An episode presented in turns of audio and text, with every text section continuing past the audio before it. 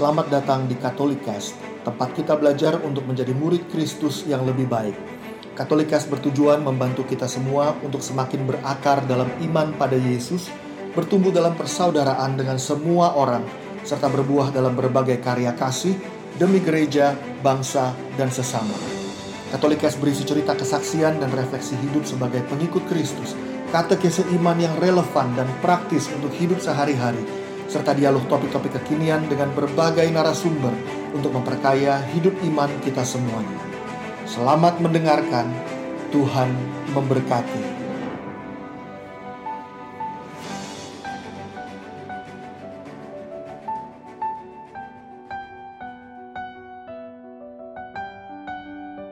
Saya mau cerita tentang pengalaman Musa.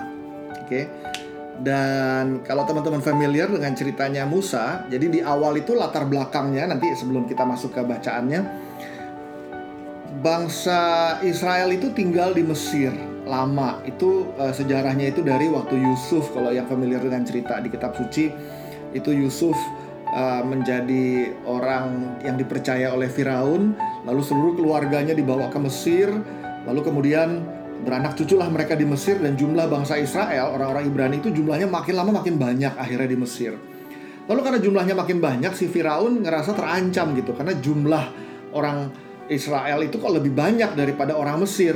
Maka mereka ditindas.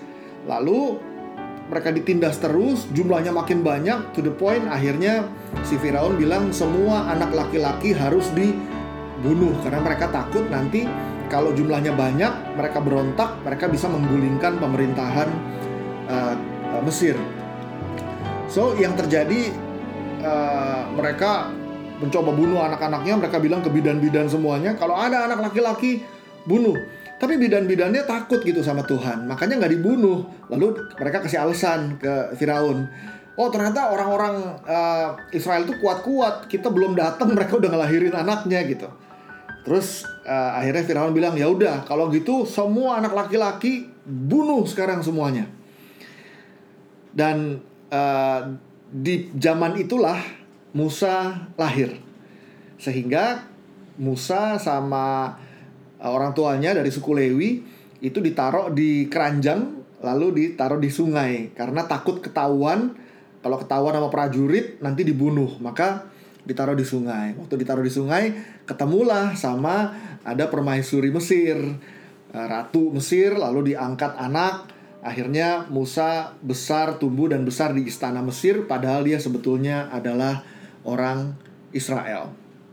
Nah, dari situ kita masuk ke Keluaran bab 2 ayat 11. Keluaran bab 2 ayat 11. Eh, sampai 3 ayat 10 nanti saya akan bacakan.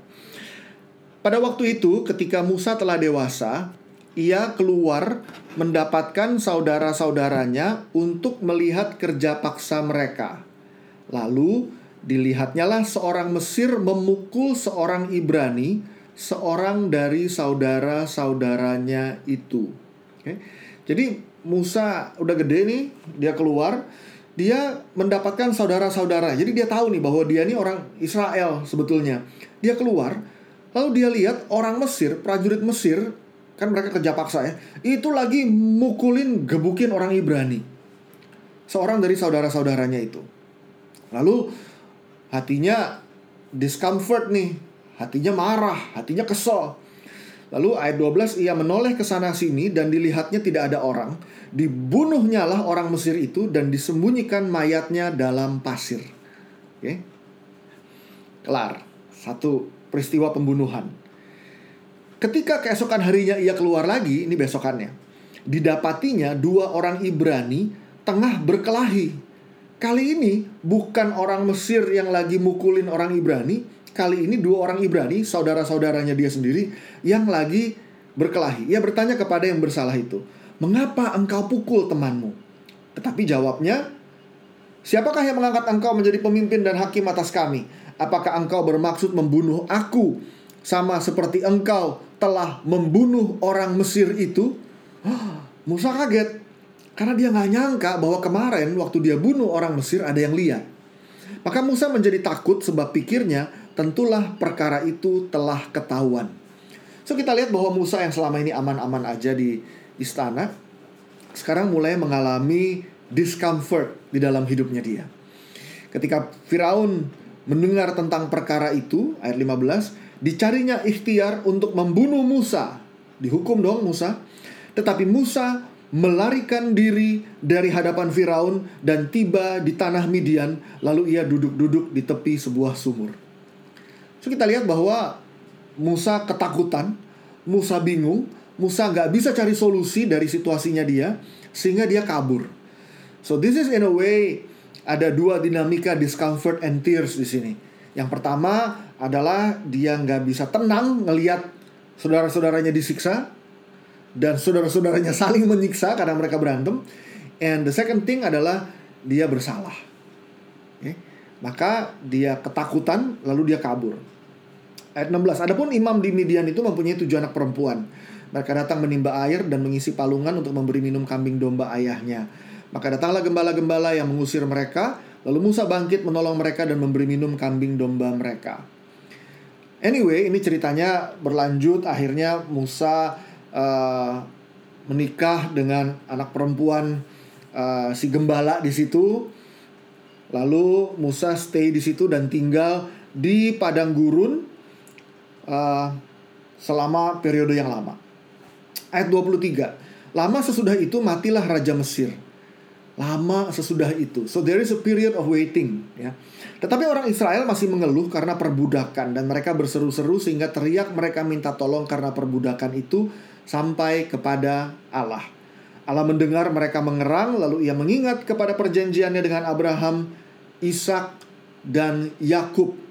Maka Allah melihat orang Israel itu dan Allah memperhatikan mereka. Adapun Musa, bab 3 ayat 1, ia biasa menggembalakan kambing domba Yitro, mertuanya, imam di Midian. Sekali ketika ia menggiring kambing domba itu ke seberang padang gurun, sampailah ia ke gunung Allah, yakni gunung Horeb. Jadi dia naik menggembalakan kambing, lalu uh, domba ke atas gunung. Lalu waktu dia sampai di gunung Horeb, malaikat Tuhan menampakkan diri kepadanya di dalam nyala api yang keluar dari semak duri.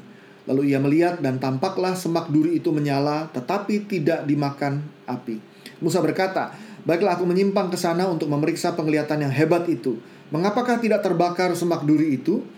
Ketika dilihat Tuhan bahwa Musa menyimpang untuk memeriksanya, berserulah Allah dari tengah-tengah semak duri itu kepadanya, "Musa, Musa." Dan ia menjawab, "Ya Allah." Lalu Tuhan berfirman, "Janganlah datang dekat-dekat, tanggalkanlah kasutmu dari kakimu, sebab di tempat di mana engkau berdiri adalah tanah yang kudus."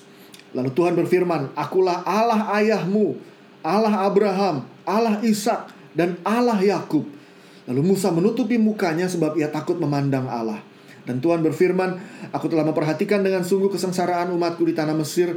Aku telah mendengar seruan mereka yang disebabkan oleh pengerah-pengerah mereka. Ya, aku mengetahui penderitaan mereka. Sebab itu aku telah turun untuk melepaskan mereka dari tangan orang Mesir dan menuntun mereka keluar dari negeri itu ke suatu negeri yang baik dan luas, negeri yang berlimpah susu dan madunya, ke tempat orang Kanaan, orang Het, orang Amori, Feris, Hewi, dan Yebus.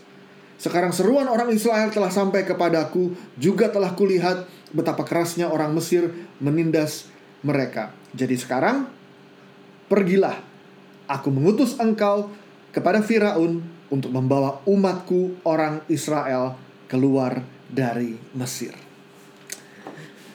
So kita lihat ada tiga dinamika di sini. Oke. Okay? Yang pertama, kita lihat bahwa Musa ini ngalamin discomfort, tears, waktu dia bunuh orang. Oke, okay? Awalnya dia nggak ada masalah karena dia kira nggak ketahuan. Oke, bab 2 ayat 11. Dilihatnya lah seorang Mesir memukul orang Ibrani, seorang dari saudara-saudaranya itu. Lalu ia menoleh sana sini ketika dilihatnya tidak ada orang, dibunuhnya orang Mesir itu dan disembunyikan mayatnya dalam pasir dia menutupi dosanya dengan pasir. Lalu keesokan harinya dia terganggu lagi. Dia ngelihat nih ya, pokoknya pertama ada gang, ini gangguan yang pertama nih. Dia ngerasa hatinya nih resah nih. Dia ngerasa ini ada yang nggak bener nih ini kok orang-orang Ibrani kok ditindas gitu. So there is this a certain level of discomfort di dalam hatinya. Lalu dia lihat lagi besokannya sesama orang Ibrani lagi berkelahi. Lalu dia ngomel dia bilang kenapa kamu pukul temanmu? So there, there is one discomfort. Tapi kemudian orang Ibrani bilang begini lo siapa memangnya sampai lo mau menghakimi kita berdua. Emangnya kita nggak tahu kemarin lo udah bunuh orang kan? Gitu. Lalu Musa takut. Dia nggak nyangka bahwa pembunuhan yang dia lakukan itu ketahuan sama orang lain. So kita lihat bahwa waktu Musa bunuh orang waktu dia bersalah dia ngerasa discomfort. Karena hatinya jadi nggak tenang. Hati nuraninya terganggu karena dia tahu bahwa dia berdosa lalu dia kabur akhirnya dia lari dan saya ngebayangin waktu dia lari oke okay, dia kabur selama sekian puluh tahun oke okay, kalau kita kita baca uh, lanjut lalu kita lihat sejarah interpretasi dan sebagainya kita tahu bahwa Musa itu akhirnya dipanggil sama Tuhan waktu Tuhan menampakkan diri dalam semak belukar uh, yang terbakar itu usia 80 tahun kira-kira. Jadi Musa itu kira-kira waktu dia menemukan orang uh, Israel lagi saling berantem itu kira-kira umur 40 tahun. So, bayangin 40 tahun dia tinggal di istana. Lalu dia harus 40 tahun tinggal di padang gurun. Another discomfort bahwa dia harus meninggalkan semua yang nyaman dalam hidupnya dia dan dia harus tinggal in the wilderness. And mungkin Musa bertanya-tanya, what's going on with my life? I had a dream, kata Musa. I had a dream to set my people free, kata Musa. Because when I saw, dia bilang, ada saudara-saudaraku yang ditindas. Aku nggak suka ngeliat itu. I want to set them free. It's not right, kata Musa. It's injustice done to my people, kata Musa. Tapi waktu di awal Musa nggak tahu apa yang harus dia lakukan there is that discomfort di dalam hatinya, tapi dia nggak tahu apa yang terjadi, apa yang harus dilakukan, maka dia took things into his own hands. Dia bunuh orangnya. Dan waktu dia bunuh, dia tahu bahwa dia berdosa. Dia tahu bahwa dia made a mess. Lalu dia bersalah, dia ngalamin discomfort, and then one discomfort leads to another discomfort. Karena dia berdosa, lalu dia mau kabur dari dosanya sehingga dia akhirnya tinggal in the wilderness for another 40 years.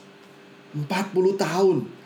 And and bayangin kalau kita semua tinggal di istana, tinggal di rumah yang nyaman selama ini and suddenly kita harus tinggal outdoor in the wilderness, betapa nggak nyamannya and mungkin kita mulai teriak-teriak dan bilang, "Tuhan, it's not fair, Tuhan." Kenapa orang lain gak ngalamin apa yang aku harus alamin? Kenapa aku begini, orang lain begitu? Kenapa? And millions of whys yang kita tanyain di dalam hidup ini karena kita ngerasa bahwa apa yang aku alami itu gak fair. Tapi things start to change. Waktu one day Musa naik ke atas gunung selama 40 tahun. Ya naik ke atas gunung dan dia ketemu dengan Tuhan dan di situ Tuhan bilang, Aku mengutus kamu ke Firaun untuk membawa umatku Israel keluar dari Mesir. So setelah 40 tahun dia dengar Tuhan ngomong dengan begitu jelasnya dan memberikan dia sebuah mission. Keluar dari tempat ini menuju Firaun, bilang sama Firaun, I want to set my people free. And suddenly semuanya start to make sense. Kenapa? Karena kalau kita lihat cerita selanjutnya, kita mulai ngelihat bahwa waktu Musa bawa bangsa Israel keluar dari Mesir, is another 40 years in the wilderness. Tapi waktu Musa mau bawa bangsa Israel keluar dari Mesir dan selama 40 tahun berjalan menuju tanah perjanjian, kalau Musa nggak pernah spend time in the wilderness sendiri selama 40 tahun, dia nggak pernah tahu gimana rasanya, dia nggak pernah belajar gimana rasanya, dia nggak pernah belajar gimana caranya hidup in the wilderness. And waktu Tuhan memanggil dia dan mengutus dia, suddenly everything starts to make sense. Bahwa, oh waktu dulu Aku ngerasa ingin membebaskan bangsa Israel dari perbudakan. Ternyata ini memang Tuhan mau aku ke arah situ. Ternyata ini memang panggilan Tuhan. But back then I didn't know what to do. So I made a mess. I murdered people. Tapi sekarang I know bahwa that desire yang Tuhan taruh di dalam hatiku uh, 40 years ago itu Tuhan taruh di dalam hatiku bukan tanpa alasan. Karena after 40 years in the wilderness, setelah aku udah lupa semua mimpi-mimpiku, setelah aku udah lupa semua desire, noble desire yang Tuhan taruh di dalam hatiku, aku udah lupa semuanya itu. Tapi Tuhan gak lupa dengan kerinduan yang Tuhan taruh di dalam hatiku.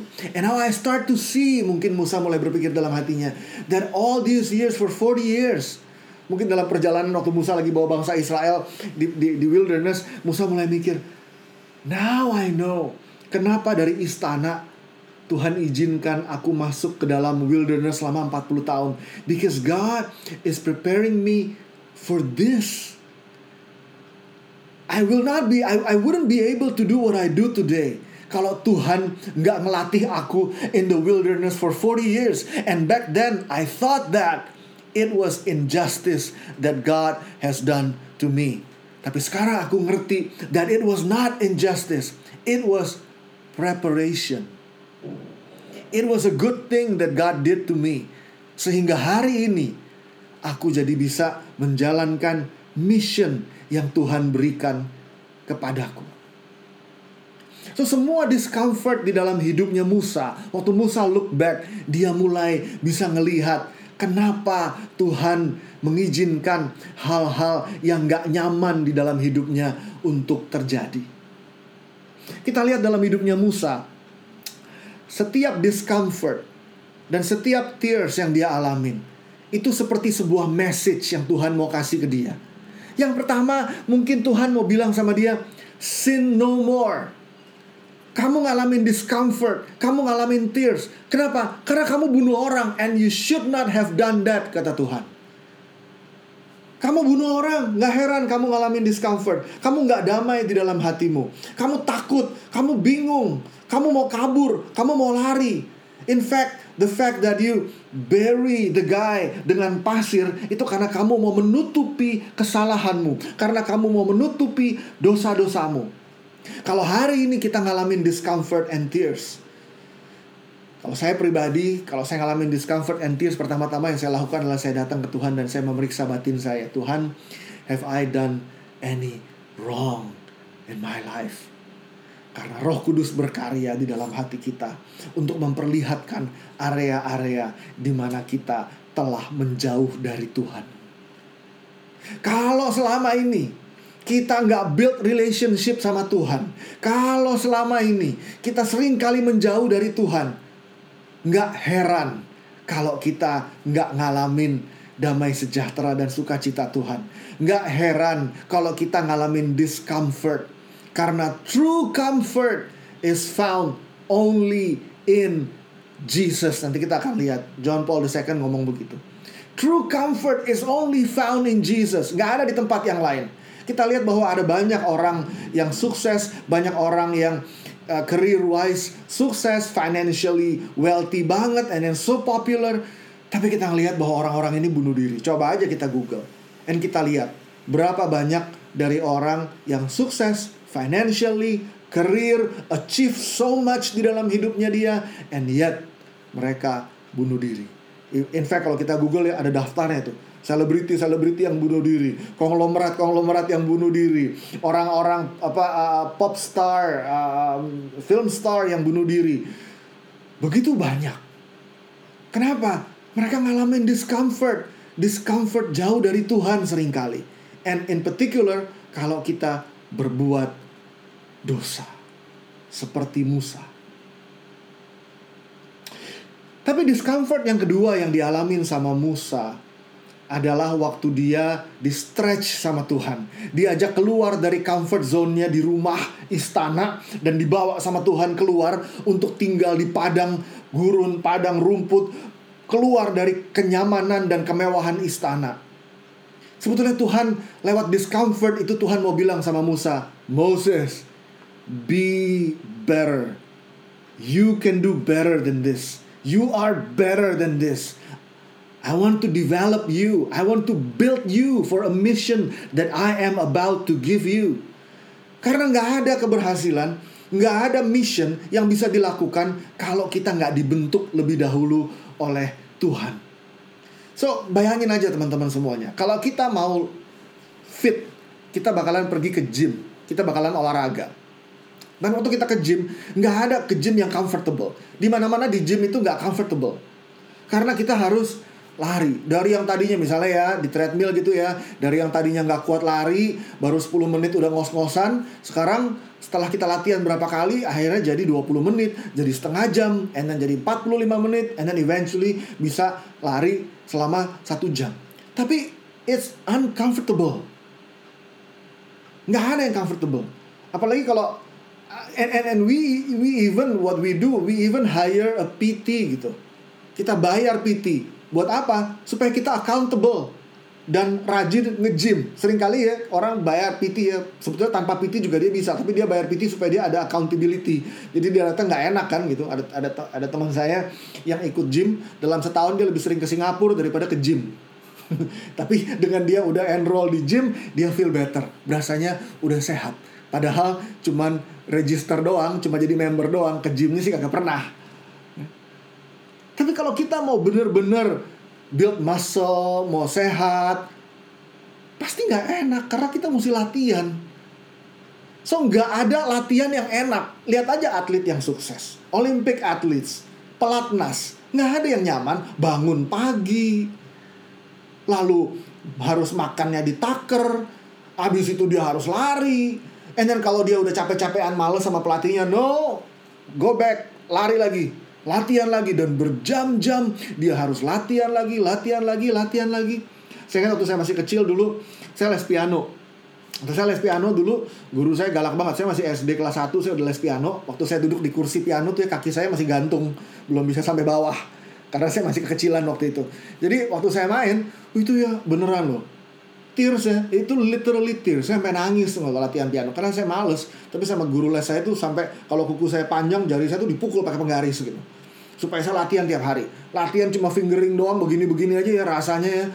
Aduh.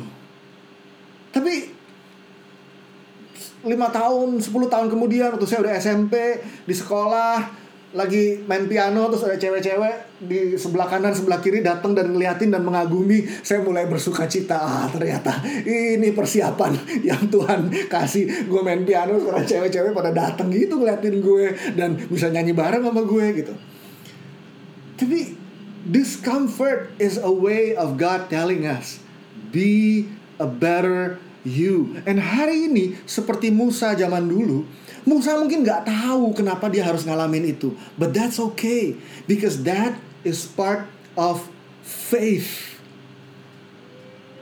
Ada satu orang yang bilang begini, this is really good. Dia bilang the opposite of faith is not doubt, the opposite of faith is certainty. Karena di mana ada certainty, we don't need faith. Di mana ada kepastian, kita nggak butuh iman. Karena di mana ada kepastian, ya kita nggak butuh Tuhan, even jalan aja, jalanin aja hidup ini. Semuanya udah serba pasti kok. Tapi sering kali Tuhan bawa kita keluar dari situasi yang serba pasti dan serba nyaman certainty and comfort itu adalah cara terbaik untuk membunuh iman. Because when life is comfortable and certain, we never need faith. Karena kita jadi bersandar sama kemampuan kita sendiri. Kita jadi bersandar sama kekuatan kita sendiri.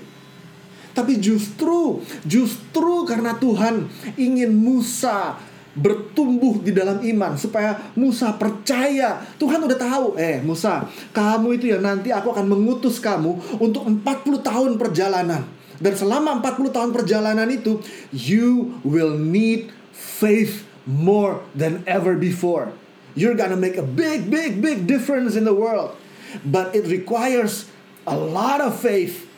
And before you go and embark on that mission, I'm gonna train you. You just believe me.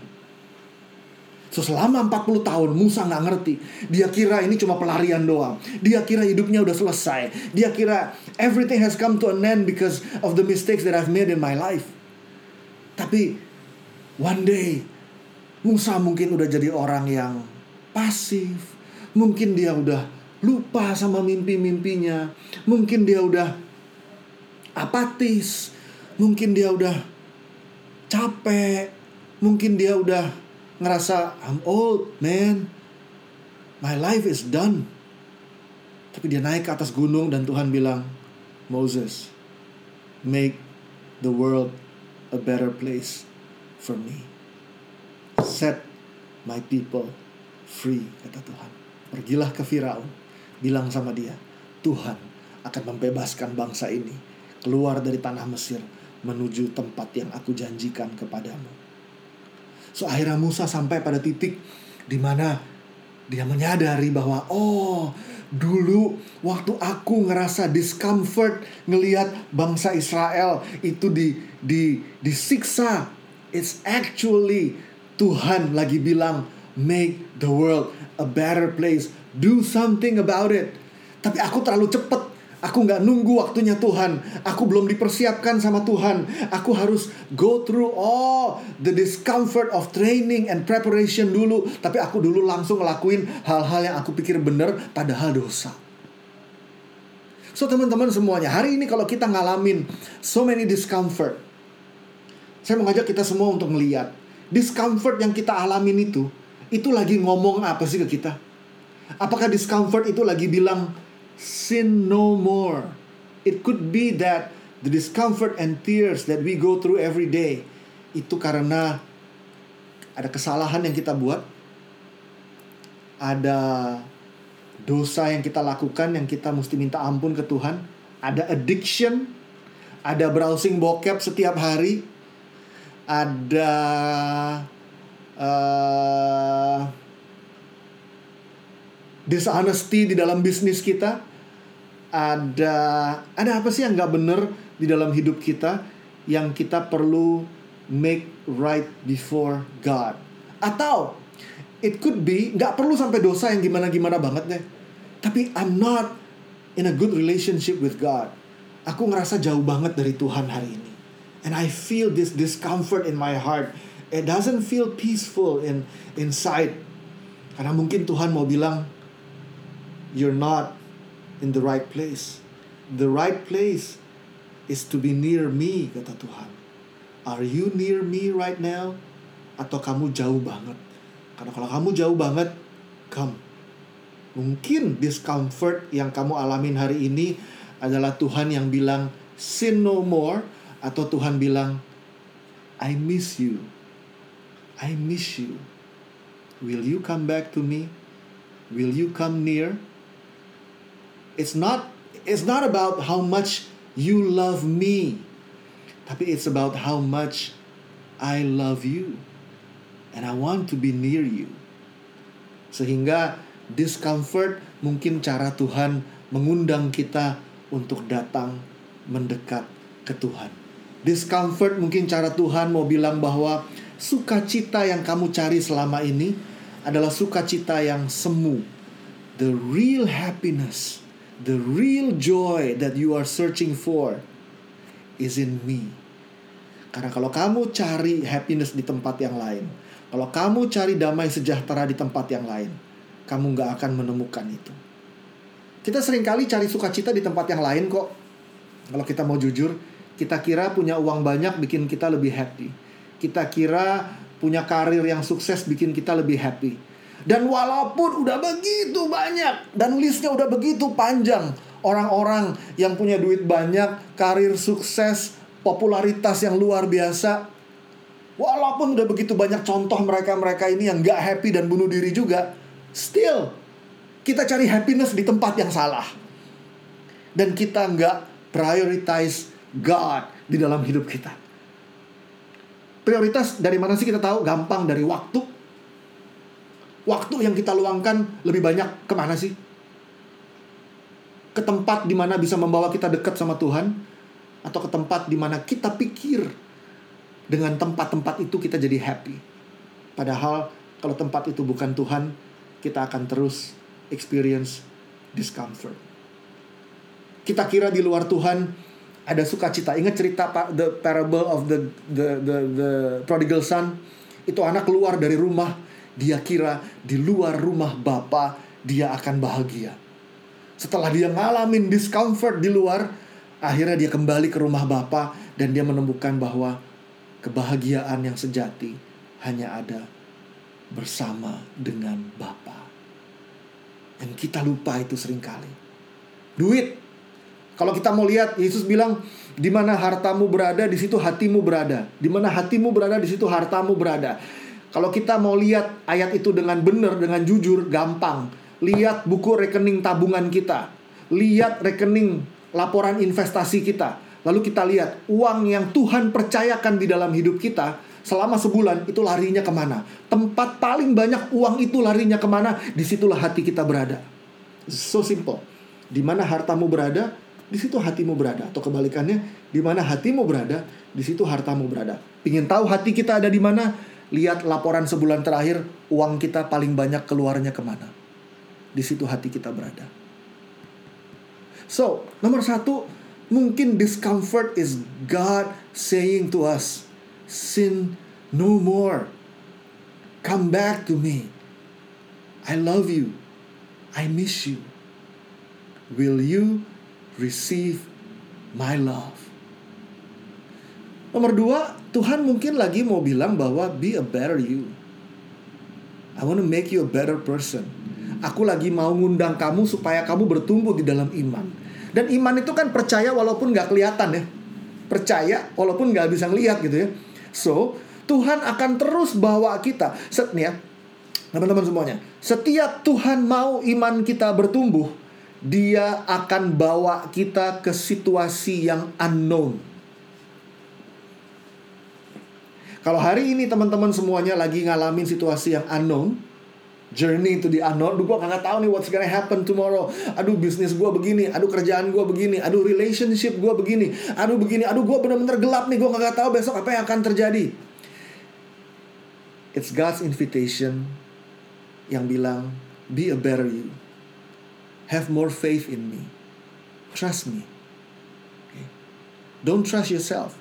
In fact, kalau saya lagi bawain session tentang jadi jadi pewarta nih di depan ngomong gini atau jadi song leader pokoknya yang berdiri berdiri di depan gitu deh.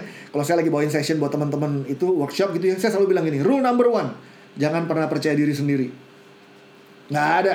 Kita buka kitab suci halaman pertama sampai halaman terakhir kagak ada ayat yang bilang percayalah pada dirimu sendiri kagak ada. Yang ada ayat yang bilang begini terkutuklah orang yang mengandalkan kekuatannya sendiri. Tapi Tuhan selalu bilang percayalah kepadaku. Nggak pernah ada pesan yang bilang message Tuhan yang bilang percayalah pada dirimu sendiri nggak pernah karena Tuhan selalu bilang percayalah padaku And kalau kita mau jujur, when we look back gitu ya, berapa kali kita udah percaya sama diri kita sendiri dan kita gagal. And we still meletakkan kepercayaan pada diri kita sendiri. And Tuhan bilang, no, no, no, let go of yourself. Trust me instead. Because I will never fail you. So sering kali Tuhan lagi ngelatih kita. Tuhan lagi ngelatih kita untuk percaya. Atau ada yang merasa gini, aduh perasaan gue up and down nih. Emotionally roller coaster. It's okay karena undangan Tuhan selalu walk by faith. It's never walk by feelings. Mana ada ayat yang bilang berjalanlah di dalam perasaanmu? Nggak ada. Ayatnya selalu bilang berjalanlah di dalam iman. Artinya apa? Artinya feeling boleh naik turun. Mata boleh tertutup, nggak kelihatan. Kita nggak tahu apa yang terjadi besok. And yet Tuhan bilang, keep on walking in faith. Because your invitation is to grow in faith. Be a better you. Saya ingat dulu waktu di saya kuliah dulu ya. Saya ingat dulu uh, kita bikin bikin kelompok nih Bible sharing gitu ya. Uh, dan selama 2 tahun, believe it or not, ini waktu saya kuliah dulu di di di Amerika. Itu jumlahnya tuh cuman 5 sampai 7 orang. Nggak nambah.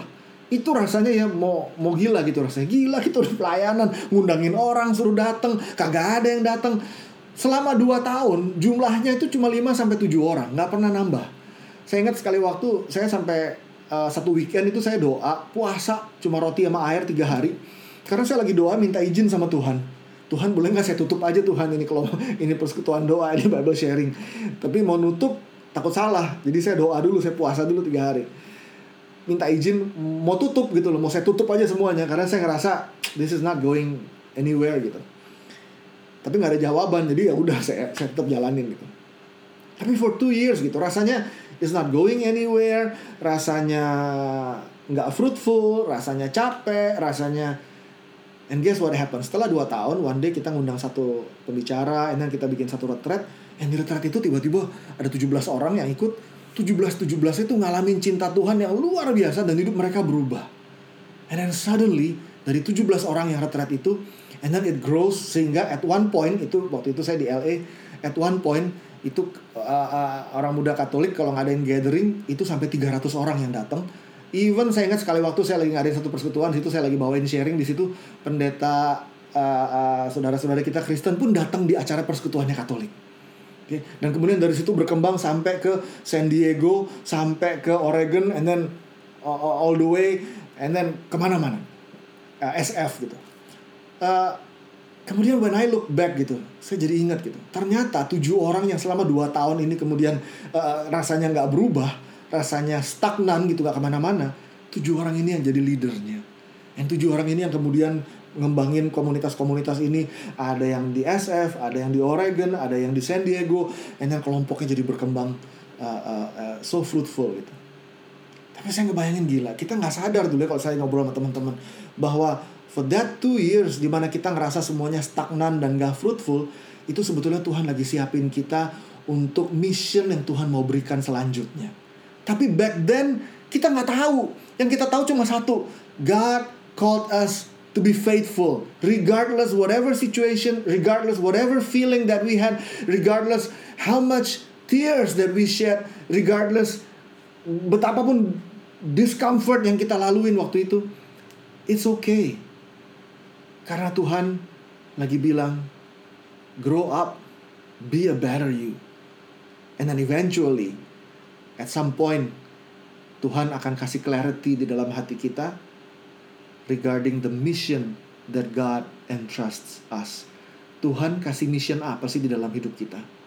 Buat Musa, dia ngelihat ke belakang dan dia ngelihat bahwa semua pengalamannya dia ternyata Tuhan lagi siapin dia untuk a certain purpose yang Tuhan udah siapin buat dia. Make the world a better place. Buat kita masing-masing, apa sih make the world a better place buat kita? Apa sih hari ini discomfort yang kita alamin, yang pola yang kita temuin, tiap orang beda-beda. Yang satu nggak nyaman kalau ngelihat ada orang miskin. Okay? ada orang homeless misalnya. Nggak tahan ngelihat orang homeless. Lah tahan, at some point itu builds up the desire, the discomfort, terus builds up di dalam hatinya And then eventually jadi sebuah movement kalau di Amerika itu Habitat for Humanity. Gerakan yang isinya adalah uh, missionnya adalah make sure bahwa nggak ada orang homeless di dunia ini. Semua orang punya rumah. Tapi ada orang-orang lain yang punya mission yang berbeda lagi gitu. Komunitas San Egidio misalnya di Jakarta uh, dan di, di Rome, mereka punya karya charity project buat sahabat-sahabat jalanan. Yang hari ini kalau di Jakarta Kemudian ada makan siang Natal, mereka bersahabat dengan para sahabat-sahabat jalanan, pemulung misalnya. Karena berangkat dari pendirinya yang dan anggota-anggotanya yang sama-sama punya restless gitu hatinya. Yang punya discomfort setiap kali ngelihat ada orang miskin, ada orang yang nggak dibantu gitu, orang-orang di jalanan. Dan buat orang lain lagi punya discomfort yang berbeda. Buat saya pribadi discomfort saya adalah ngelihat orang muda yang meninggalkan gereja setiap kali saya ingat dulu waktu saya pertama kali baru ngalamin cinta Tuhan dalam hidup saya, setiap kali saya dengar ada orang Katolik ninggalin gereja Katolik, saya bisa nangis. Saya bisa nangis beneran. Saya pernah ingat sekali waktu ada satu kelompok yang satu kelompok itu semuanya ninggalin gereja Katolik dan saya ingat saya nangis satu jam. Waktu itu saya masih kuliah tingkat satu. Satu jam saya nangis. Saya nangis, nangis. Air mata saya nggak bisa berhenti. Nangis terus setiap kali denger and and to be honest sampai hari ini it still hurts my heart setiap kali saya dengar ada orang muda yang meninggalkan uh, gereja. Tapi buat teman-teman semuanya, what is it What is it that makes you feel uncomfortable? Yang mungkin, mungkin hari ini you still don't know what to do with it because God is still preparing you. But one day, one day God's gonna make things so clear di dalam hidup kita. And then mungkin Tuhan akan bilang, do this, make the world a better place. So teman-teman semuanya, leverage your discomfort and tears to pursue God-given dreams. Setiap discomfort yang Tuhan izinkan terjadi di dalam hidup kita itu nggak pernah sia-sia. And nggak pernah meaningless. Kalau hari ini itu rasanya meaningless, itu karena kita belum melihat the whole picture. Tetapi there will come a time di mana waktu kita nanti ngejalanin hidup ini and then we look back and then kita seperti ngelihat puzzle yang Tuhan mulai taruh satu-satu pada tempatnya. Kalau hari ini kita nggak ngelihat, it's okay, it's okay, karena our calling is never to understand, our calling is to believe and to obey. Kadang-kadang ada hal-hal yang sampai kita mati ya, kita nggak ngerti even mungkin. It's okay. Waktu nanti kita ketemu Tuhan, kita akan ngerti. Ada banyak misteri Tuhan di dalam hidup ini. Tapi ada tiga hal yang mungkin sering kali jadi sarana atau atau message yang Tuhan mau kasih ke kita lewat discomfort yang kita alamin. John Paul II bilang begini. It is Jesus that you seek when you dream of happiness. Artinya true happiness is only found in Jesus. Dia bilang, John Paul bilang, He is waiting for you when nothing else you find uh, uh, uh satisfies you. Karena true satisfaction is only found in Jesus. JP itu bilang, He is the beauty to which you are so attracted. True beauty is only found in Jesus. Dia bilang, It is He who provoke you with the thirst for fullness that will not let you settle for compromise. It is He who urges you to shed uh, uh, the mask of a false life. Karena true authenticity is found in Jesus alone. Kita sering kali cari true happiness di tempat yang lain. Kita kira kita bakal satisfy kalau kita punya ini, kita punya itu. No. Kita boleh dapetin semua yang ada di dunia ini dan kita nggak pernah truly happy. Tapi kemudian JP itu kasih catatan yang penting buat kita semuanya. It is Jesus who stirs in you the desire to do something great with your lives. The will to follow an ideal the refusal to allow yourself to be ground down to mediocrity, the courage to commit yourself humbly and patiently to improving yourself and society, making the world more human and more fraternal. Teman-teman semuanya, true desire to do something with your life begins in Jesus. Yang tahu, paling tahu purpose-nya aku itu apa adalah yang menciptakan aku, yaitu Yesus. Dan selalu mimpi yang dari Tuhan selalu diarahkan demi kebaikan orang lain, nggak pernah demi kenyamananku. Kalau saya tanya sama orang begini, eh mimpi lo apa sih 10 tahun lagi lo mau jadi apa sih? Wah cita-cita gue nih ya, mimpi gue ya, gue mau by the time gue reach 35, 40, 35, or even 30, gue udah bisa ongkang-ongkang kaki karena gue udah punya passive income, income, and then gue live a comfortable life jalan-jalan keliling dunia Teman-teman, saya bisa confirm dengan pasti bahwa mimpi itu bukan dari Tuhan. Pasti. Kenapa? Karena purpose yang dari Tuhan itu selalu terarah demi kebaikan orang. Bukan demi kenyamananku. Bukan. Selalu demi orang lain. Mimpi bahwa aduh gue mau retire rich, retire young. Gue jamin itu pasti bukan dari Tuhan. Kenapa? Karena orang yang di dalam Tuhan itu nggak retire sampai dia mati, dia akan terus bekerja demi kebaikan sesama, mengusahakan apa yang baik demi orang lain. Lihat, to do something great with your lives itu yang apa? JP itu bilang yang making the world more human and more fraternal. It's always directed towards the good of others. So coba lihat hari ini. Apa sih kalau kita ngelihat ada injustice di sekitar kita, lalu kita ngerasa discomfort ada di dalam hati kita. Pertanyaannya adalah, mungkin Tuhan mau kita ngelakuin sesuatu. Apa sih yang bisa kita lakuin? Mungkin kita bisa explore dari hari ini. And then mulai lihat sambil jalan, Tuhan tuntun kita ke mana. So, leverage and embrace your discomfort and tears to pursue God given dreams.